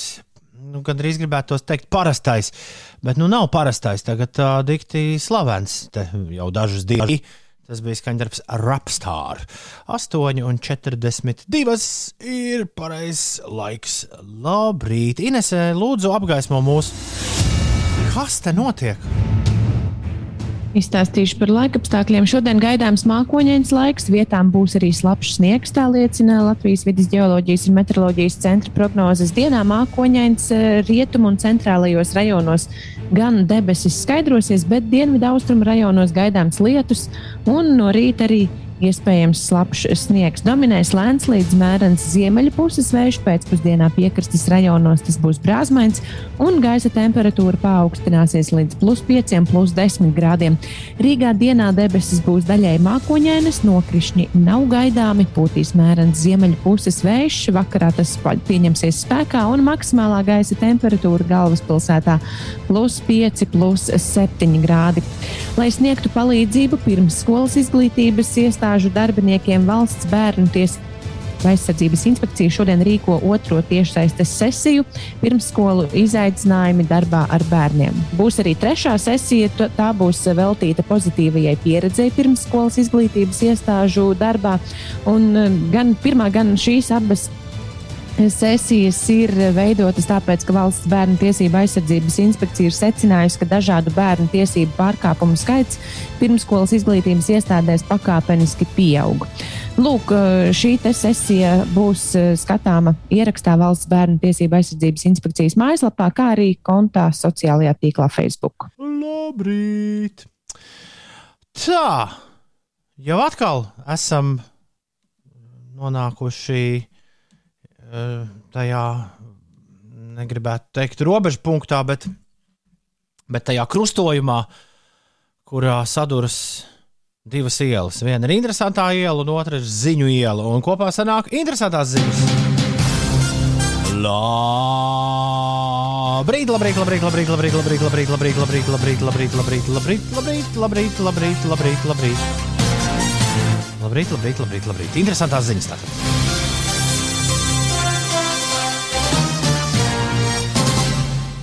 Interesantās ziņas. Interesantās ziņas. Interesantās ziņas. Jā, viena no interesantajām ziņām, kas es nezinu, kā to aprakstīt īsi, bet uh, Anglijā vakar atļāva pulcēties rogu ārā terasēs. Un, Jā, uh, un, un Anglijā vakar bija apmēram plus 2 grādi un sniegs sniegs. Un terases Un bija Brit- pārbāztas. Tieši tā, Britu portāli ir pilni ar pārbāztām terasēm un vispārējām. Labākais, ko es redzēju, bija kādas latviešu dāmas, kas dzīvo Londonā. uh, Instagramā viņa Ines bija šajos plus divos grādos un sniegā. Viņa dzēra ābolu limonādi ar ledu. Ar ledu. Tur samesti pintē iekšā vēl ledus kubiņu. Nu, lai neatdziest. Tikai lai neatdziest. Labs darījums ir izdevies dziedātājai, par kuru pēdējā laikā vairāk dzirdam tikai pēc viņa, viņas Instagram stāstiem un video - Madonnai. Madonna, kuras bijušo māju vietu, kā nesen stāstījām interesantajās ziņās, ap 2000. gadu par 7,5 miljoniem dolāru iegādājās pasaulē bagātākais vācu aitu suns vārdā Gunter 4, ja? Gunter 4. Tagad pati Madonna tikusi pie jauna mājokļa, turklāt par labu, labo cenu, un no labām rokām The Weekend viņai ir pārdevis mājiņu. Dziedātājs jau pagājušajā gadā bija izlicis pārdošanā savu Losandželosas vilu, prasot par to 25 miljonus dolāru. Pircēji nav atradušies, un ap decembra cena pazemināta līdz 22 miljoniem. Taču Madonnai, iespējams, izmantojot sakars popmūzikas pasaulē, izdevies tikt pie šī īpašuma par nieka 19,3 miljoniem. Bet, zini, kā no tāluma viņš neizskatās. Uh, nu, ne, tā, atcerieties, tā Vičī māja, kur mēs pirms nu, jau gan daudziem gadiem pētījām, tā tāda smalkāka izskatījās un maksāja, man liekas, mazāk. Cenas kāpj, cenas kāpj. Tagad viss pērk mājas. Pareizi, jā. Atcerieties, nesen runājām par YouTube mākslīgā intelekta nedēļām ar šaha video, kas regulāri tiek nobanoti par rasistiskiem komentāriem. Lai gan patiesībā runa ir tikai par to, ka Baltijas sakauj melos desmit gājienos. Tagad līdzīgs mīsēklis ir gadījies Facebook algoritmiem, kas ar mainīgiem panākumiem rūpējas par šī sociālā tīkla lietotāju morālo stāju. Nesen izdzēstas, eh, izdzēsta kādas 5000 iedzīvotājus lielas Austrumu Francijas pilsētiņas Facebook lapa, jo tās nosaukums Vilde Bišs neizskaidrojumu iemeslu dēļ no Facebook likumības sargiem pateikt, paticis. Jā, izrunā ar, ar čēju. Tā tad nu, bija. bija To, tomēr kā Vilde ja? Francijā jā, tāds jā, jā, jā. Vildebišķis. Pēc dažām dienām lapa, kas izdzēsta, jo pārkāpus noteikumus, kas jāievēro Facebook lapām, atjaunot, taču bijis jau par vēlu, jo pilsētas amatpersonas paspējušas izveidot jaunu lapu ar daudz pieklājīgāku nosaukumu Mairī, uh, un franču numurus gan es nezinu. 5, 5, 7, 2, 3, 0. Tas ir pilsētas 2, 3. 3. Mūsu nosaukumu vienmēr kāds saprot, ne tā sūdzējies pilsētas mērs, kurš kritizējis Facebook rasistiskās metodes un aicinājis Marku Zukerbergu paviesoties pilsētiņā, kur esot ļoti skaisti un ar iespaidīgu cietoksni centrā. Ja jums vajag kādu nepārāk tālu galamērķi, kur ceļot, kad tas būs atļauts, lūdzu, Bičē pilsēta ir viens no variantiem. Tiešām izstāsta ļoti glīti. Jā, un atrodas ļoti tuvu pie, tur pie pašas Vācijas robežas. Nu, mums tuvu. Normāli. 8,55 minūtes. Vairāk interesantajās ziņās nekas nebūs. Vairāk Būs, bet rīt. Tas bija viss. Vairāk interesantajās ziņās nekas nebūs. Tas bija viss interesantajās ziņās. Zini, kā Ines, man liekas, ka Briti vēl joprojām tur ir desmit dienas sēras, un līdz ar to Nevajag pārāk daudz Mums no priecāties viņiem, jā, smieties. viņi, Ja? viņi nepiegādā mums uh, svarīgas ziņas. Jā. Diemžēl, diemžēl.